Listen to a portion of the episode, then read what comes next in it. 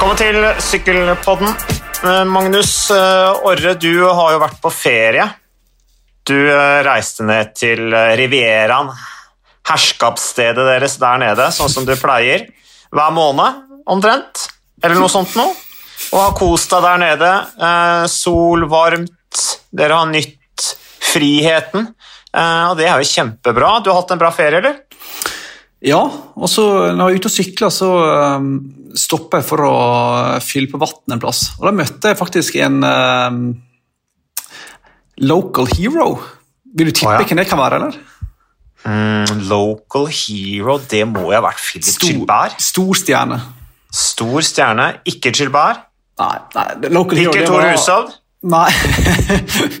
det var da ingen ringere enn Ludovic Turpin. Husker du han? Ja, Det, er, eh, det henger høyt. Ludvig Det henger veldig høyt. Ja. Han sto der i sånn gammel AG2R-drakt. Så jeg tenkte, det her så litt kjent ut. Og så var det han uh, Turpin, som altså da var en helt gjennomsnittlig fransk syklist for ti års tid siden, kanskje. Vant Jaha. en etappe, mener jeg husker i Jeg burde sjekke opp kanskje før jeg gikk på, da, men var i Dauphiné i 2006 eller noe sånt. Opp til Ja. Briançon. Jeg husker jo Ludvig Turpin. Jeg tror han jobber i ASO eller noe sånt nå. Ja da, Jeg ser han rundt om i, på nede franske ritt, så han er fortsatt i, um, i bransjen. Så, altså, det var jo et enormt høydepunkt. da. Uh, og ellers så har jeg hatt det fint, ja. Fortsatt ferie, men uh, har fått sett masse sykkel. da. Det er fordelen med å ha masse fri. Så i går kveld så jeg eh, første worldcupen fra Waterloo i sykkelcross. Ja. Men uten van der Poel og van Ert så er det litt sånn ja, det var Eli Iselbyt som vant. Ja, og det blir litt sånn her, det blir litt sånn B-følelse over hele greia når de to gutta ikke er med. Men, men. Ja. Men eh, ja, jeg så ikke herrerittet, jeg så bare finalen på damerittet. Det var jo en bra duell der med Marianne Foss som eh, klinka til og tok da denne første seieren i verdenscupen. Er masse verdenscup i for de kutter jo litt eh, ut disse andre seriene og lager litt flere verdenscupritt for å gjøre det litt mer oversiktlig. Jeg tror kanskje at det er et bra grep. Det skal bli spennende å følge med på sykkelcross-sesongen utover. Vi kommer litt mer inn i det i TV 2 Sykkelredaksjonen også etter hvert, tror jeg. men... eh, Eh, Han godeste Tibon Nøys, han velta nå, han. Krakk kragebeina, gjorde han ikke det? Jo, stemmer det. Dårlig start. Det er dårlig start, altså. Sønnen til Sven, som altså var, eh, hadde presset på seg i landeveis-VM i, i Flandern eh, nylig. Er jo europamester i eh, U23-klassen, men det var jo synd. Eh, Apropos eh, Ludvig Turpin, han er jo blitt 46 år gammel, ja. men hadde noe å si, eller? Nei, jeg ble jo så starstruck selvfølgelig at jeg bare tok, bøyde hodet ned, lata som jeg skrev en SMS der og gikk rolig forbi. Så, Ja, Han Nei. vant jo etappe i Criterion Dauphiné det året jeg kjørte det, i 2006. Så jeg skjønner jo at du ble litt starstruck av det, altså. Så eh, jeg ser han, eh, han kjørte faktisk eh, Tour du Cyclist International de la Guadeloupe for tre år siden, så han har jo gjort det sånn lite mini Han har jo holdt det gående, han turpæ, da, etter at han la opp som proff. så som han holdt seg i god form. Ja, ja. ja. Nei, men Det er kult, Magnus. Men eh, hva er det som har skjedd i det siste? Altså, du sa at du hadde sett på sykkelcross i går. På lørdag hadde jeg egentlig ganske sånn stor sykkeldag, fordi da tok jeg med meg ungene. Da sykla vi herfra fra Hovseter til, eh, til Sagen eller til Voldsløkka. Og så så vi på superpokal der. Eh, sykkelcross, apropos sykkelcross. Det var veldig gøy, det, altså. Eh, stor stevning. Anders, Anders Halland Johannessen var med og greier. og Vi så åpen klasse, og det var eh, god stevning. Snakka med masse folk. Og en del Aslak som Erik Stry var vel med, Ah, og politisk Aslak. kommentator. det, han er jo Han er jo den Han må jo være den beste sykkelcrosseren blant samtlige politiske kommentatorer, tror jeg, i hele verden. Jeg veit ikke hva du tenker om det? Det er sikkert en eller annen belgisk eh, ordfører som er enda bedre. Men han er ganske god, godt uh, trent uh, Aslak. Altså. Og han har en utrolig fin sånn her uh, Colnago-variant der som jeg har spurt om jeg kan kjøpe fra han, men jeg har fått nei på. Så han uh, kan sin sykkel.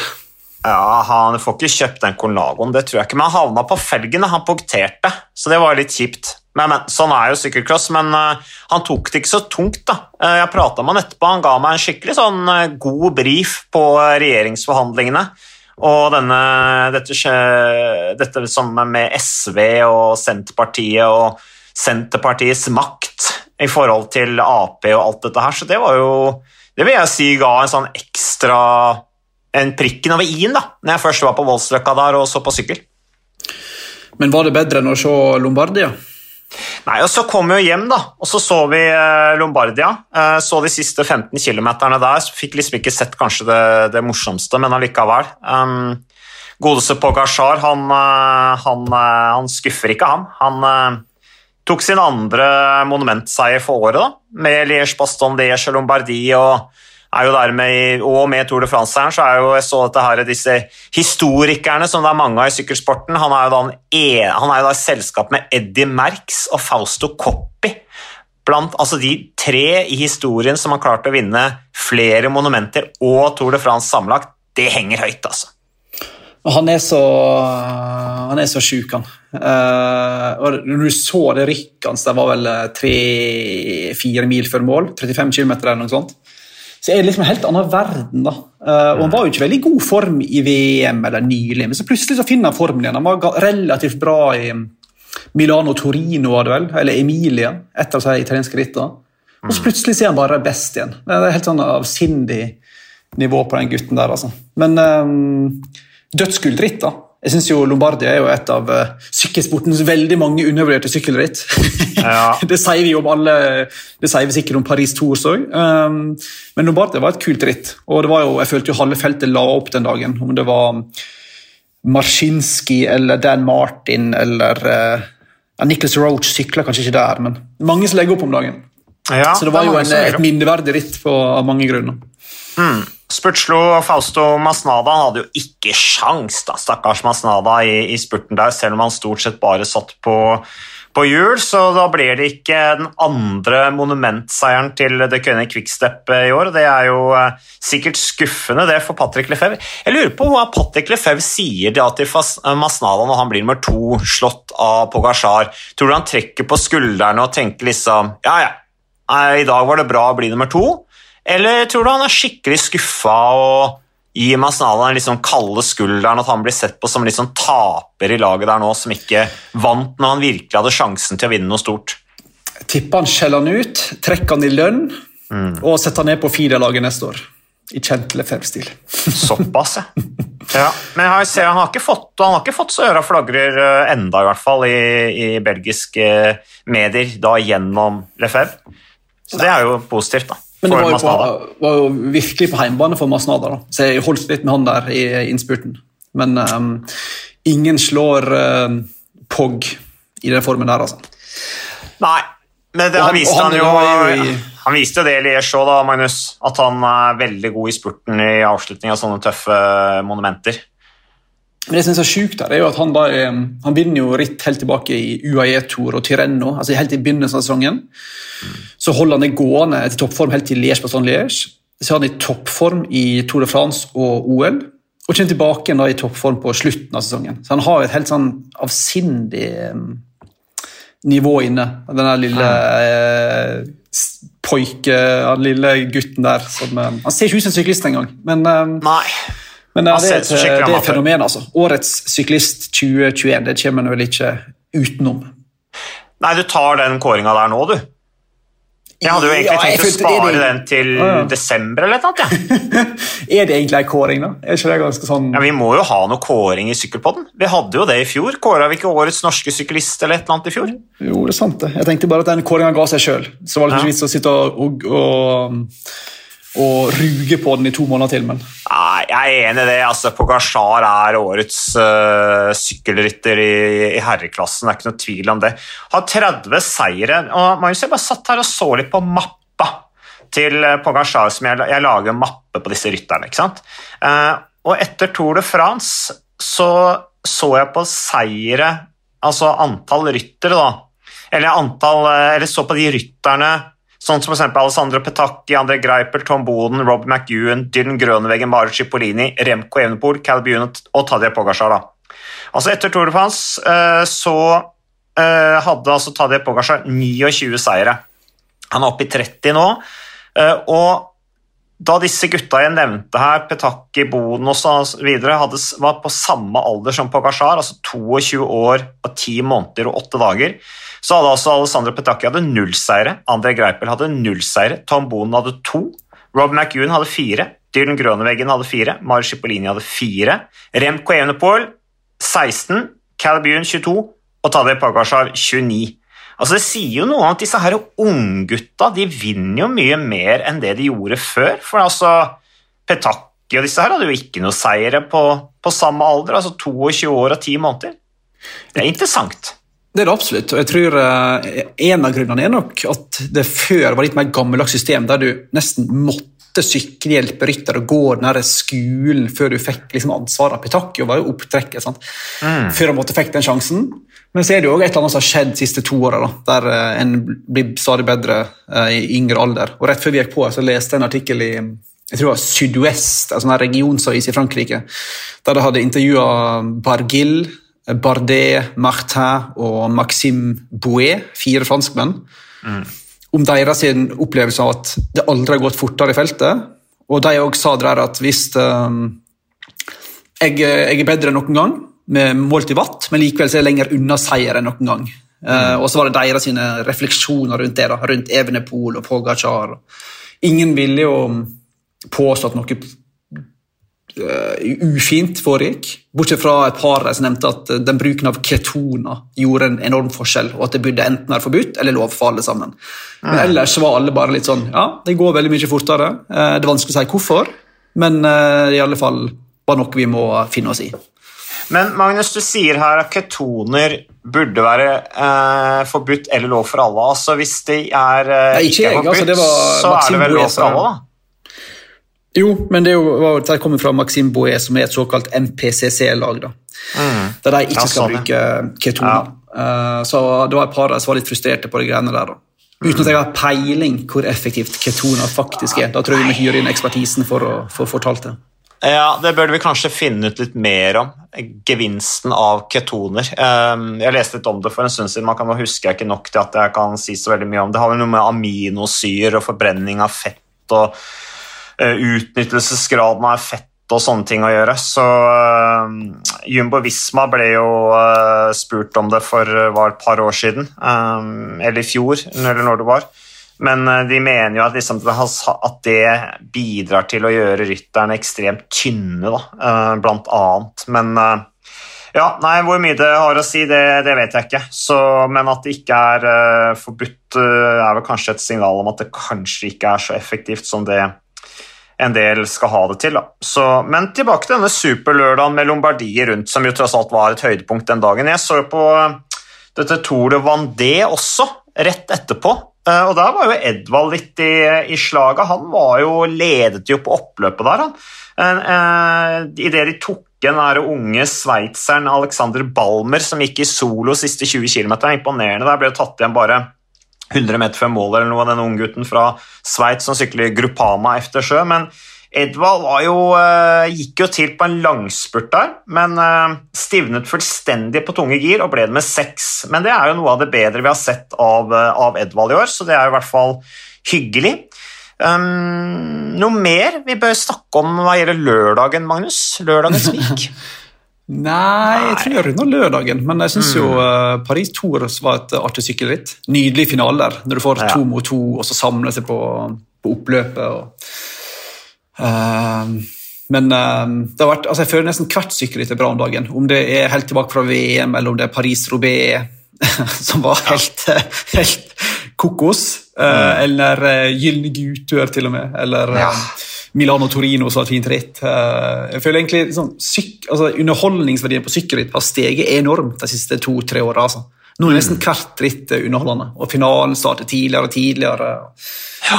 Um, så Nei, det er mange gode sykkelritt om dagen, altså. Det må jeg si. Så litt dumt at sesongen er ferdig. Men, uh, ja, du syns det. Du kommenterte jo uh, Gylne gutter, Magnus. Det var jo to blad Magnus der, Drivenes og, og, Orre, som kommenterte det sammen. Det var, det var bare ti ti ryttere som gått i mål der. Ja, og Jeg har prøvd å finne ut når det sist skjedde i et UCI-ritt at kun ti ryttere får får en uh, plassering. Uh, fant ikke ut av det, men uh, det er jo ekstremt sjelden. Så det sier jo alt om hvor hardt det rittet ble. Ja, Vi må vel helt tilbake til 80-tallet. liksom. 1980 eh, VM i Salanches i Frankrike, der hvor Bernhard eh, Hinault vant. Da var det vel bare, tror jeg, om jeg husker riktig, 14 ryttere som kom til mål? Ja, et eller annet sånt, og så har Jostein Wilman eh, Ble det 13-14 eller et eller annet sånt. Ja. Ja, ja, så det er bra det at det er blitt eh, at det er ritt for skikkelig mannfolk igjen, kan vi si. Og det må vi si er eh, positivt der. Men det var jo dårlig vær, og det ble jo egentlig litt sånn som det skal være en gang iblant, tenker jeg. Gylne gutter med regn og slafs og søle og tøffe forhold, så men eh, nei, Paris-Roubais òg, du nevnte det, det ble jo morsomt. Nå er jo det bare så forrige uke, eh, så det er kanskje ikke så mye å snakke om lenger, men drama ble det i hvert fall. Så da får vi jo se da, om det blir regn til neste år, for vi ser i hvert fall de utgavene hvor det er regn eh, Yes. Ja, hele, hele generasjonen som aldri har opplevd det før, og jeg bare hørte på noen intervjuer da etter rittet, etter at vi hadde kommentert rittet, intervju med, med noen av gutta før start, og de var virkelig nervøse, altså. Eh, Det var, det var nesten som å til, til å ta føle på nervøsiteten til, til noen av gutta før start. Og det er litt sånn uvanlig, tenker jeg, at du har intervjuet med profesjonelle ryttere som står på startstreken før Paris-Roubais, som så til de grader uttrykker at dette her er noe de frykter allerede før start. Det, det, det, det syns jeg var litt sånn Ja, for å si det pent, eh, spesielt. Skjønner jeg veldig godt, jeg. Ja. men, det, men jeg lurer på, Mats, hva, eh, håper du på regnet neste år? Nja eh, Tja, hva skal vi si, ja, Magnus? Jeg tenker at det er greit, jeg. Ja. Det, Ja, for det, er jo, det er jo litt sånn her, eh, I takt med krenkesamfunnet generelt, så er det jo mange som føler at det å si at du gleder deg til regn, det er ufint, for da blir det så farlig. ja. Ja. Men er det, er det innafor?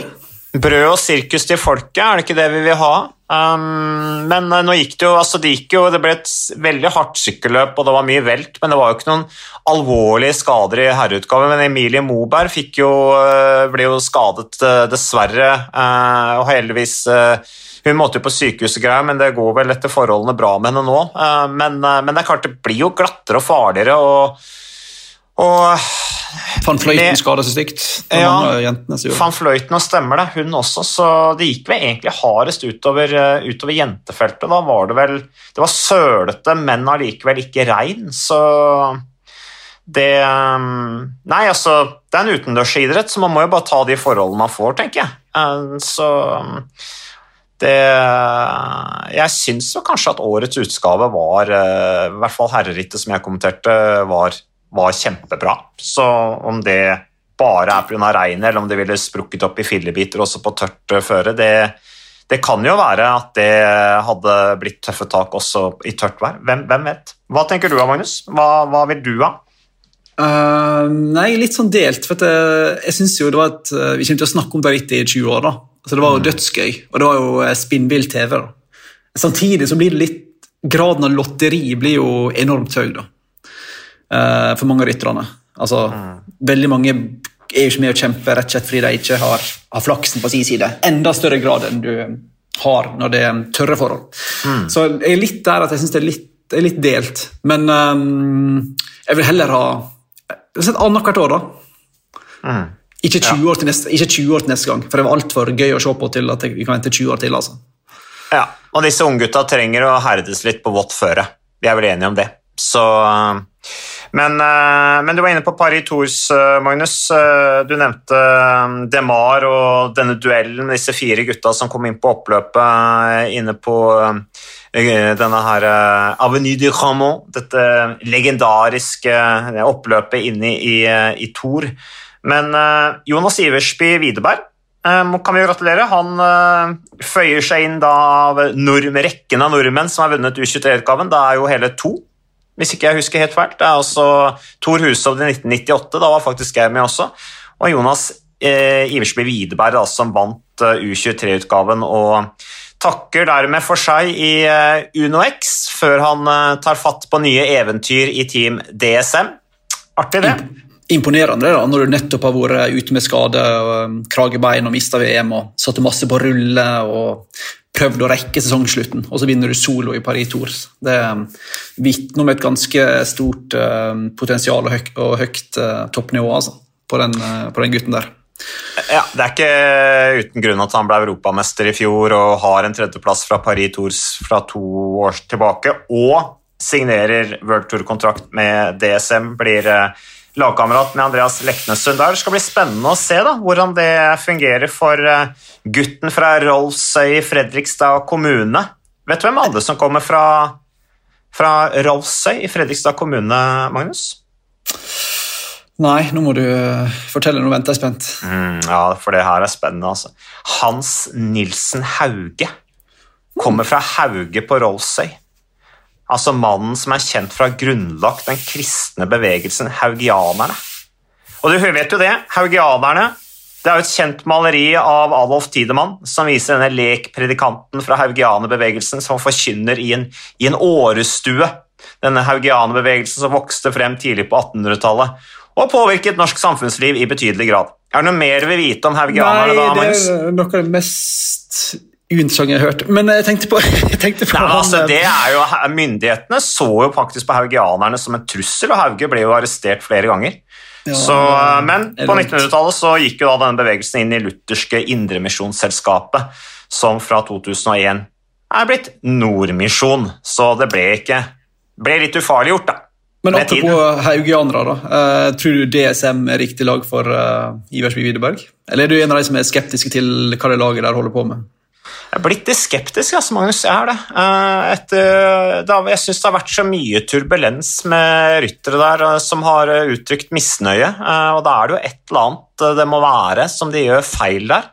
Eh, De er jo i utgangspunktet flinke med å utvikle unge ryttere, så sånn sett så skal det jo være et bra sted, men det må jo være noe der med kommunikasjonen og, og måten det laget drives på som, som er feil. Nå ser jeg de har henta inn flere eh, i trenerteamet. altså Jeg forsterka trenerteamet med en del eh, tidligere proffsyklister og sånt, så kan det være at det kanskje gjør at eh, det blir bedre kontakt. eh, At det kanskje er flere med erfaring fra profflivet som også får jobbe med disse rytterne. Jeg er usikker, men eh, man, man blir jo lett, litt sånn skeptisk når man ser de der dårlige nyhetene med rytterne som ønsker å forlate laget og forlate laget med liksom Ja, er glad for å komme ut av det og sånn, så Det var litt Eh, interessant det Romain Bardet sa etter Lombardia. Han sykler for DSM, eh, og ble faktisk nummer 11 i Rocta Sur her på dagen etter Lombardia.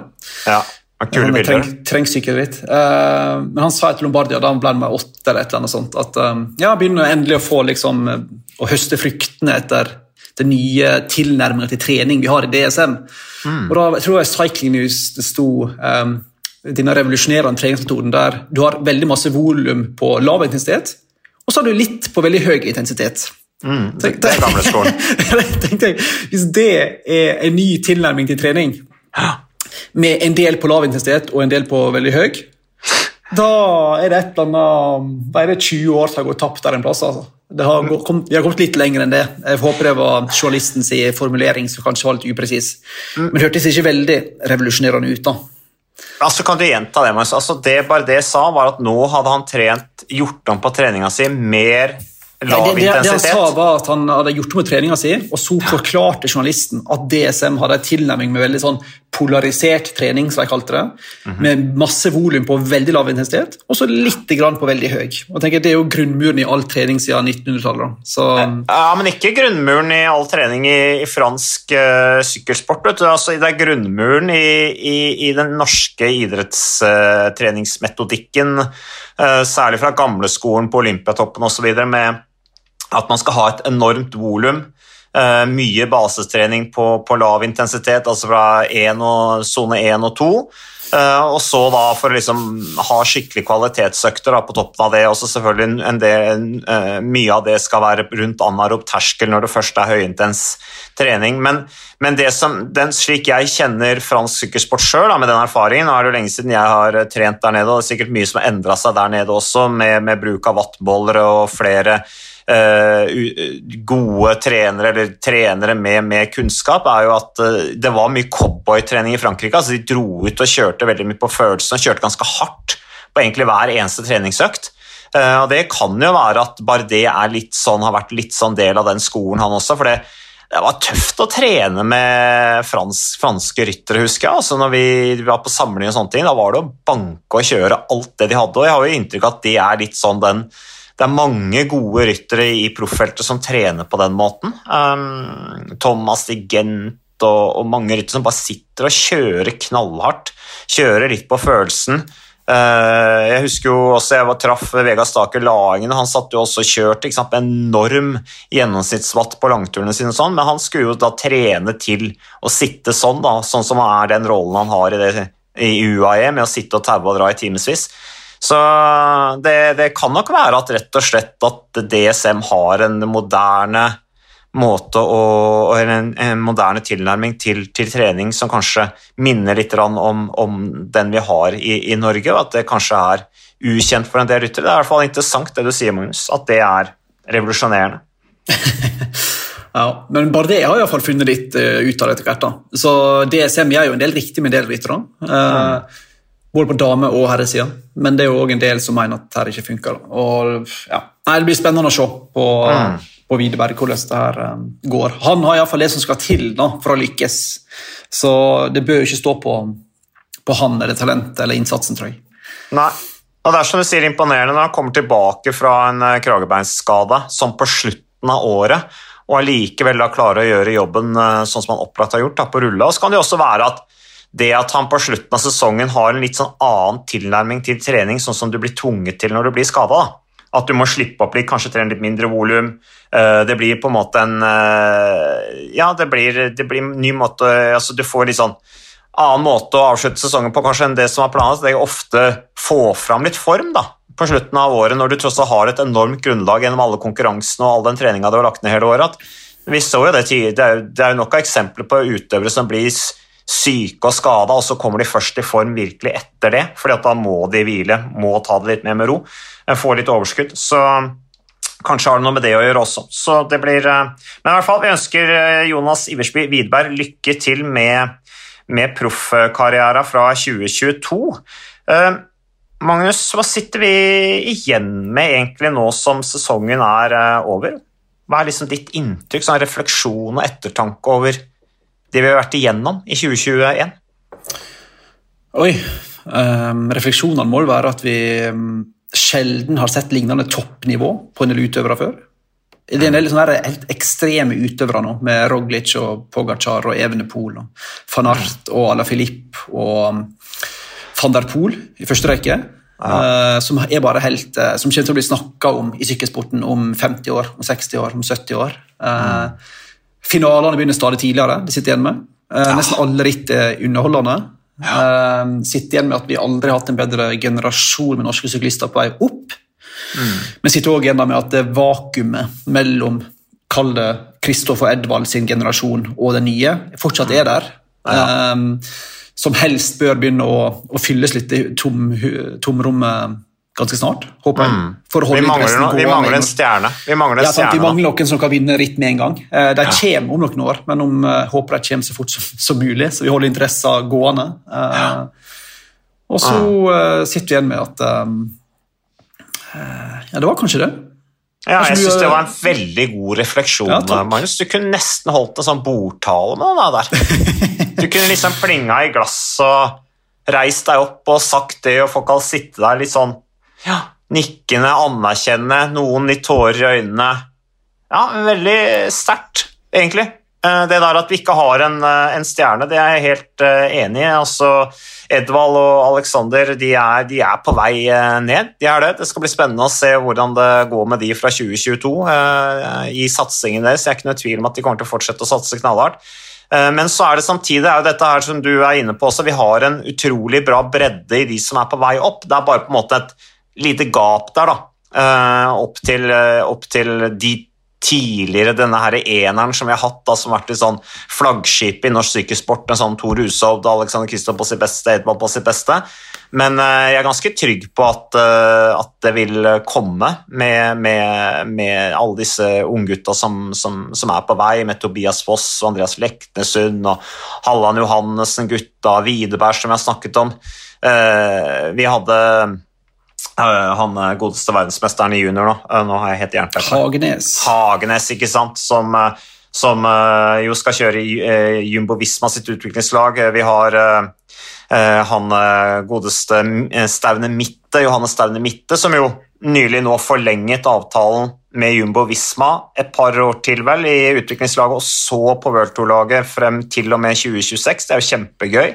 Så vi har jo egentlig denne uka her også fått en ny World Tour-proff eh, gjennom han. Og tenk, det, på det, tenk på det, Du er inne på Hagenes der. Tenk mm. på brennseter og generasjonen der. Altså de, nå ble jo mange av juniorrittene avlyst i år pga. pandemien, mm. men Norge vant alle tapperittene som ble arrangert. Tenk deg ja.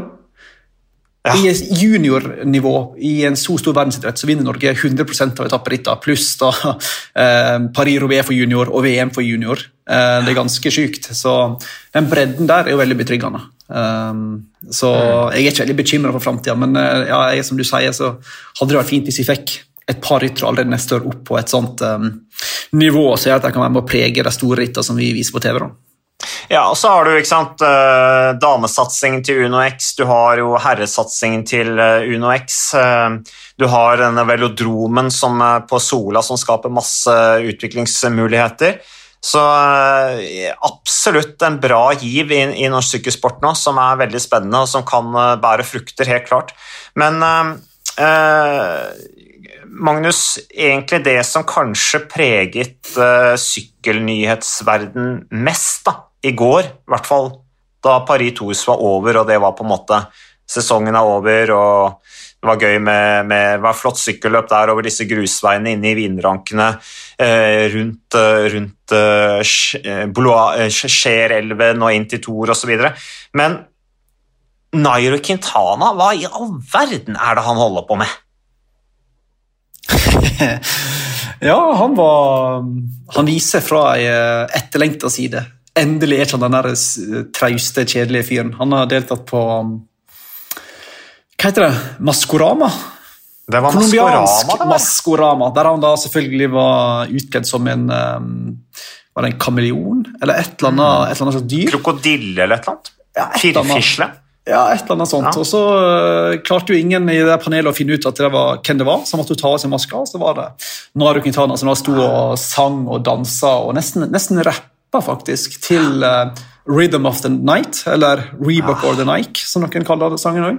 Ja, Rhythm of the Night i, i rap-versjon, det er jo uh, ja. heftig altså, i seg selv. Det var meget spenstig. I et år mm. der vi selvfølgelig har sett og, uh, Tadej Pogacar være rapper, uh, mm. av, av, en eller annen grunn. Der vi så Isagirre og Bilbao og Belocchi synge og danse på spansk TV. Så sykkelfeltet begynner å bli ganske sånn multi kulturelt. Dessverre. Eller, eller gledelig. Alt etter øyet som ser. Ja, jeg, jeg syns jo at eh, Jeg ønsker det velkommen, jeg. Ja. Veldig Mer glad det ikke var sånn når du var aktiv, for da hadde du begynt å stå der og rappe Snoop Dogg eller mm. Ludacris eller hva du hører på på fritida. Jeg er ikke noe sånn Ludacris. Eh, han hører jeg ikke så mye på, men Snoop Dogg og Dre, disse her gamle gutta, de er jo selvfølgelig eh, helt min kopp te, da.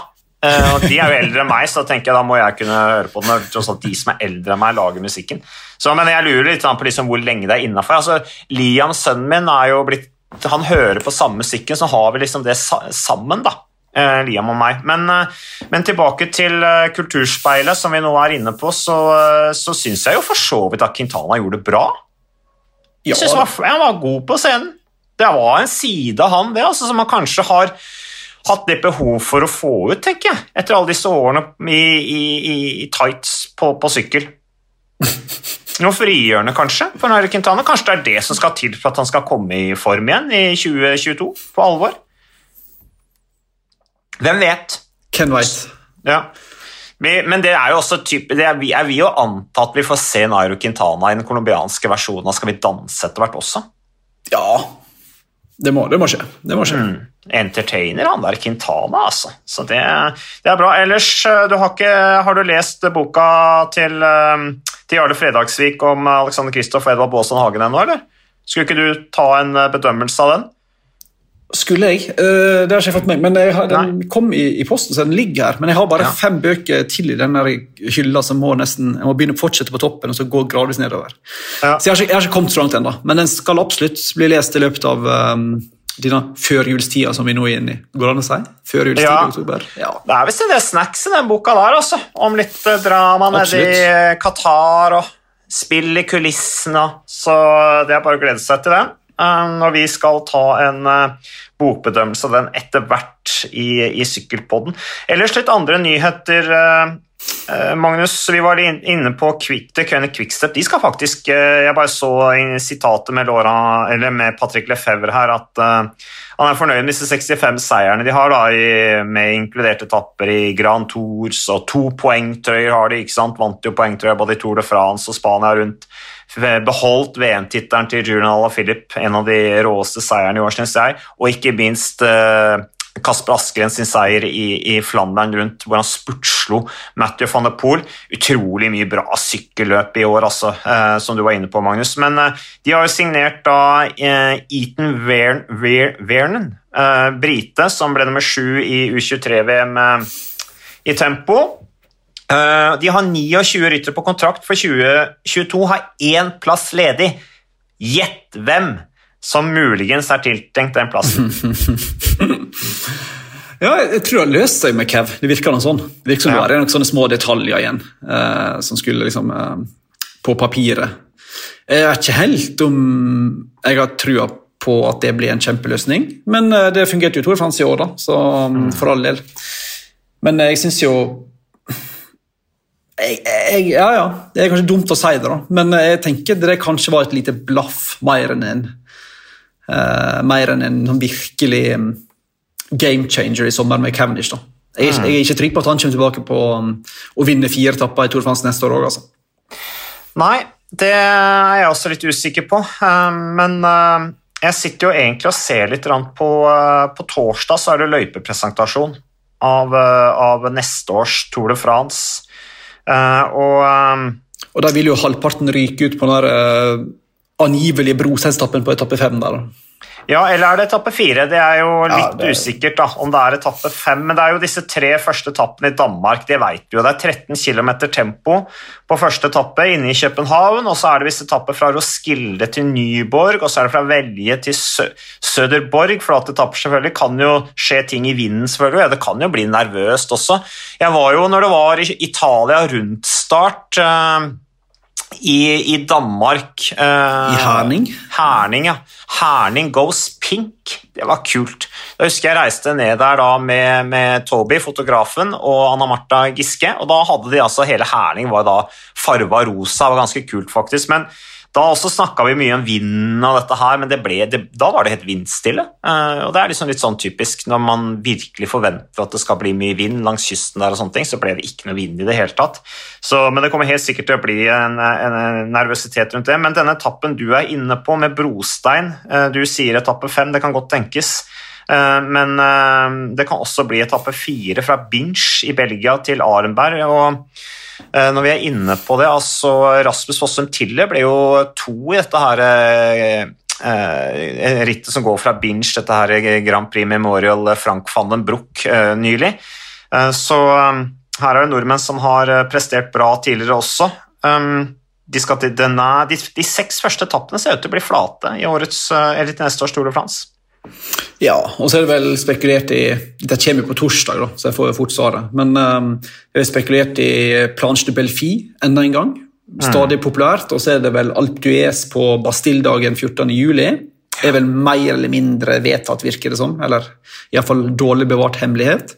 Ja. Og så er det vel snakk om de Pyreneene som er sist ut neste år. Og det er vel Plateau de Bay blant annet, som er spekulert i. Mm. Det er lenge siden jeg har vært opp der, føler jeg nå. Og så er det vel snakk om en tempo igjen da på nest siste dag, om jeg ikke tar helt feil. Ja, 30 uh, km tempo ja. på nest siste etappe. Men da, du nevnte jo uh, La Planche de Belfi, så da er det altså for det, da er jo det da en, en fellesstart. Da, med, med, det blir den første fjelletappen i neste års Tour de France, hvis disse ryktene stemmer, da. Uh, ja. Så blir det etappe sju, men så kommer det da fire da eller tre etapper etterpå som er kupé... Ja, fire, faktisk. Etapper som Eller fem, faktisk, etapper som er Har du fått løypa litt sånn under under igjen nå? Du sitter ja, jeg sitter her nå og ser på løypa, altså, men det er, eh, det er, ryktene jeg baserer meg på her. Da. Det, er ikke, det, er ikke, det er ikke offisielt. Men uh, Alp d'Huez, tolvte etappe um, Det snakkes jo om at de, kjøre, at de skal sykle en annen vei opp enn den tradisjonelle veien opp serpentinesvingerne. Det, ryktene sier det, men det kan, de kan jo ikke finne på å gjøre Nei, jeg er helt, helt enig. Det er Ryktene sier det, men hvis de gjør det, så er det bare sånn Da må du realitetsorientere deg. Hva vil folket ha? De vil alltid lese opp den vanlige veien. Ingen som vil ha opp baksida. Det gir liksom ikke mening. altså. Nei, det, det er vi, vi er imot det. Få det kjør opp vanlige veien, opp disse flotte serpentinsvingerne. Når det gjelder da Alpe det er jo altså Alpe det blir i så fall da 70 år siden, da, første målgangen opp Alp d'Huez, så det blir jo litt sånt lite jubileum i så fall, eh, hvis det blir Alp d'Huez. Eh, Det pleier jo aldri å være mer enn tre utgaver på rad uten Alp d'Huez. Eh, siden første gangen opp der i, i, i 1976, eller Nei, etter, etter 76 har det ikke vært mer enn tre ganger på rad eh, med Tour de France uten at det har vært en Alp d'Huez-etappe. Så, så det, det blir spennende å få den bekreftelsen på løypa. Altså, det er jo også en etappe der som eh, skal opp til Hautakom. Det er etappe 18, visstnok. Og det er også fjelltopp. da. Eh, Hautakom er jo 13, er 14 km stigning. Og da skal de Ryktene sier at de skal opp Abisk, kanskje Solor, og et fjell som heter Spandell i tillegg. Så det kan jo bli en ordentlig rysere en etappe, altså. Åttakam, er, der er det fjell. Det er så Ja. bratt og så lenge. Uh, den er brutal. Men det eneste, eller det jeg er mest spent på uansett, er bare den brosensetappen. Brosens-etappen. Hvis, hvis det er en skikkelig brosensetappe à la 2014, da Nibali vant og Chris Froome krasja ut, à la 2004, da Iban Mayo og mange andre krasja ut, Ja. så kan det være med på å avgjøre hele turen. Da ryker plutselig en Pogacar eller en uh, ja, Roglic. Altså, det går alltid med noen store favoritter. da. Så jeg er veldig spent på hvor tøff den etappen faktisk blir. Ja. Nei, det er, eh, så da har vi da noen eh, stikkord da for neste års Tour de France. Danmark, brostein, fjell, Alpe d'Huez, Pyreneer Altså, det blir, det, blir, det blir bra. Det blir bra. Så nei, men bra, Magnus, men du skal vel kanskje ut og gå deg en tur i skogen eller et eller annet, eller? Hva har du tenkt å gjøre? Har ikke du fri i dag? Jo, jeg er fri. Tenkte jeg skulle ta i- om ikke den siste, så i alle fall en av de siste sykkelturene i skauen. I marka Mm. her i Oslo. Det begynner å bli, jeg våkner opp på tre grader i dag, så nå begynner det å bli for kaldt for en, um, en, tynn, en tynn kropp som ikke Ja. tåler så mye kulde. Så um, jeg må snart uh, gjøre hva heter det, oljekjede og rense alt og sette den på plass i garasjen, tror jeg. Du får ta på deg sånn bøff, da, så du ikke blir kald i halsen, Magnus. Jeg sykler med alltid. Du, Bare én ting, Magnus, eh, før vi avslutter. Jeg bare så han Joe Dabrowski, amerikaneren, han forlater UAE og så skal han sykle i Astana. Eh, og får jo da følge av, eller Han følger jo da Vincenzo Nibali og Gianni Moscon og David de la Cruz. Men hva med Miguel Angel Lopez? Eh, er det noen bekreftelse på at han går tilbake til Astana, eller? Movistar-rytteren fra Colombia? Nei, den såpeserien fortsetter å rulle. Men eh, alle sier at det er done deal, da. Og det gir jo veldig, masse, det gir jo veldig mening. Eh, det blir jo med Nibali og Moscon og altså det blir jo sånn her, og Vinocoro selvfølgelig. Det blir jo et sånt lag, sånn her bad boys-lag. Og der passer jo Miguel Angel Supermann Lopez veldig godt inn. Eh, så det, jeg tror den er done deal. Det Ja, virker sånn. Han- er litt badass, han. Miguel Angel Lopez. Apropos UAE, eh, de, de kjøper jo visstnok opp dette her BTC Lubliana, eh, et av de beste damelagene på kalenderen, og fremskynder dermed planen om, eh, om å starte kvinnelag da, ved å kjøpe opp det, det laget. Så da får de jo i så fall Marta Bastianelli og Marlene Reuser, tempodronningen fra Sveits og Mavi Garcia. Og følger jo dermed da Trek Segafredo, Bikechen, Jumbo Visma, Movistar, DSM og UnoX annet med å starte damelag. Så det er jo en, det er en bra utvikling, Magnus. Jo, men jeg tror Røyser blant annet skal til SD Works neste år. Men uansett, jo, men er det, hvorfor er det så bra? Det er jo et lag som allerede eksisterer. Kanskje Ja. har laget et eget, da. Jo, men det er jo litt sånn eh, disse her oppkjøpsfondene fra Midtøsten er. De kjøper jo opp ting. Det er jo sånn de gjør det. det er stort sett det. De, altså UAE er jo et oppkjøp, det òg. Det er egentlig et oppkjøp av lampere. ikke sant? Så, Ja, det mener jeg, altså, starter, start noe eget, da, hvis de, skal, hvis de er så opptatt av det, tenker jeg. ja, men det er jo alt for, det er jo mye lettere å bare flytte penger. ikke sant? Det Å gjøre transaksjoner enn å skulle faktisk bygge opp noe fra bunn. Absolutt. Det krever litt, mer, litt mindre arbeid å kjøpe opp ting. Så, Ja. Og Den fordelen har du jo, da, nå som oljeprisen nå nærmer seg 80 dollar fatet og pengene ruller i Midtøsten igjen. Så er det tid for store oppkjøp. Det er det absolutt. Bra, Magnus. Nei, men Da ønsker jeg deg lykke til på sykkeltur. Jeg tror vi har tatt det viktigste da. Um, du nevnte vel hvem som legger opp. Anna van de Breggen legger opp. Nicholas Roach, Dan Martin, Gil Rein, uh, Manuele Belletti, sikkert flere også, som ikke jeg kommer på akkurat nå i, i farta. Men uh, det er jo tid for litt avskjed, og så er det jo da tid for å allerede nå å starte oppkjøringen da til ny sesong. Tour de France-presentasjonen på torsdag. Vi er i gang med, med sykkelcross. Bane sendes også på TV2 Sport. Det er masse som eh, skjer. Lagene spisser blyanten, eller spisser klørne. Hvilke uttrykk syns du er best, egentlig, når vi snakker i sykkelmetaforer? Pumper luft til Spisse, spisse albuene. spisser albuene til neste sesong allerede. Duck Henry Quickstep som skal møtes allerede denne uken for fotografering og planlegging, og ikke minst ta seg en skikkelig feiring. Det kan jo dere gjøre også, det som hører på Sykkelpodden. Det trenger dere kanskje etter å ha hørt på, på oss nå i Ja, vi har holdt på en stund, har vi ikke det, Marius? Så da takker vi for oss. Er det noe du vil si på slutten? Ja, Jeg vil si at Ironisk nok, når sykkelsongen da går mot slutten, så vil jo vi ha mye mer tid til å spille en podkast. Ja, vet du hva, det, er, vi får, det vi får bra. prøve å ha en litt høyere frekvens utover høsten for å fylle tomrommet etter um, landeveisritt. Det får være Ja. målet vårt. Ja, og jeg synes det var hyggelig å være på Superpokal, for det var faktisk en del som kom bort der og sa at eh, de ville at vi skulle lage litt oftere sykkelpod. Snakket blant annet med et ekte... nekter jeg å tro på. Ja, det var litt, men da var det, jeg traff et eh, ektepar, eller i hvert fall et par, da, som var veldig sykkelcrossinteressert. Jeg tror det må være de to nordmennene som er mest interessert i sykkelcross. De reiste ned til Belgia og så på sånne skikkelig sære sykkelcross. Det var ikke World Cup engang. Det var sånn der eh, Etias Cross Cup litt, og hadde full oversikt over det. Og de lærte meg en viktig ting, Magnus, som vi skal ta med oss videre. Det heter ikke Wout van Ert, det heter Wout. Det var viktig å få fram. Så da veit vi det. Aert. Van Art.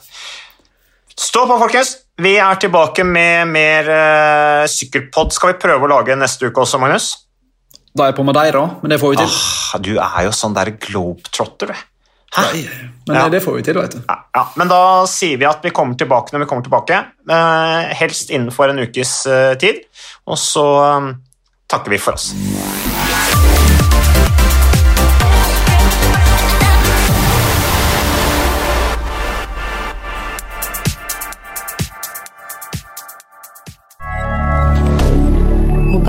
Moderne media.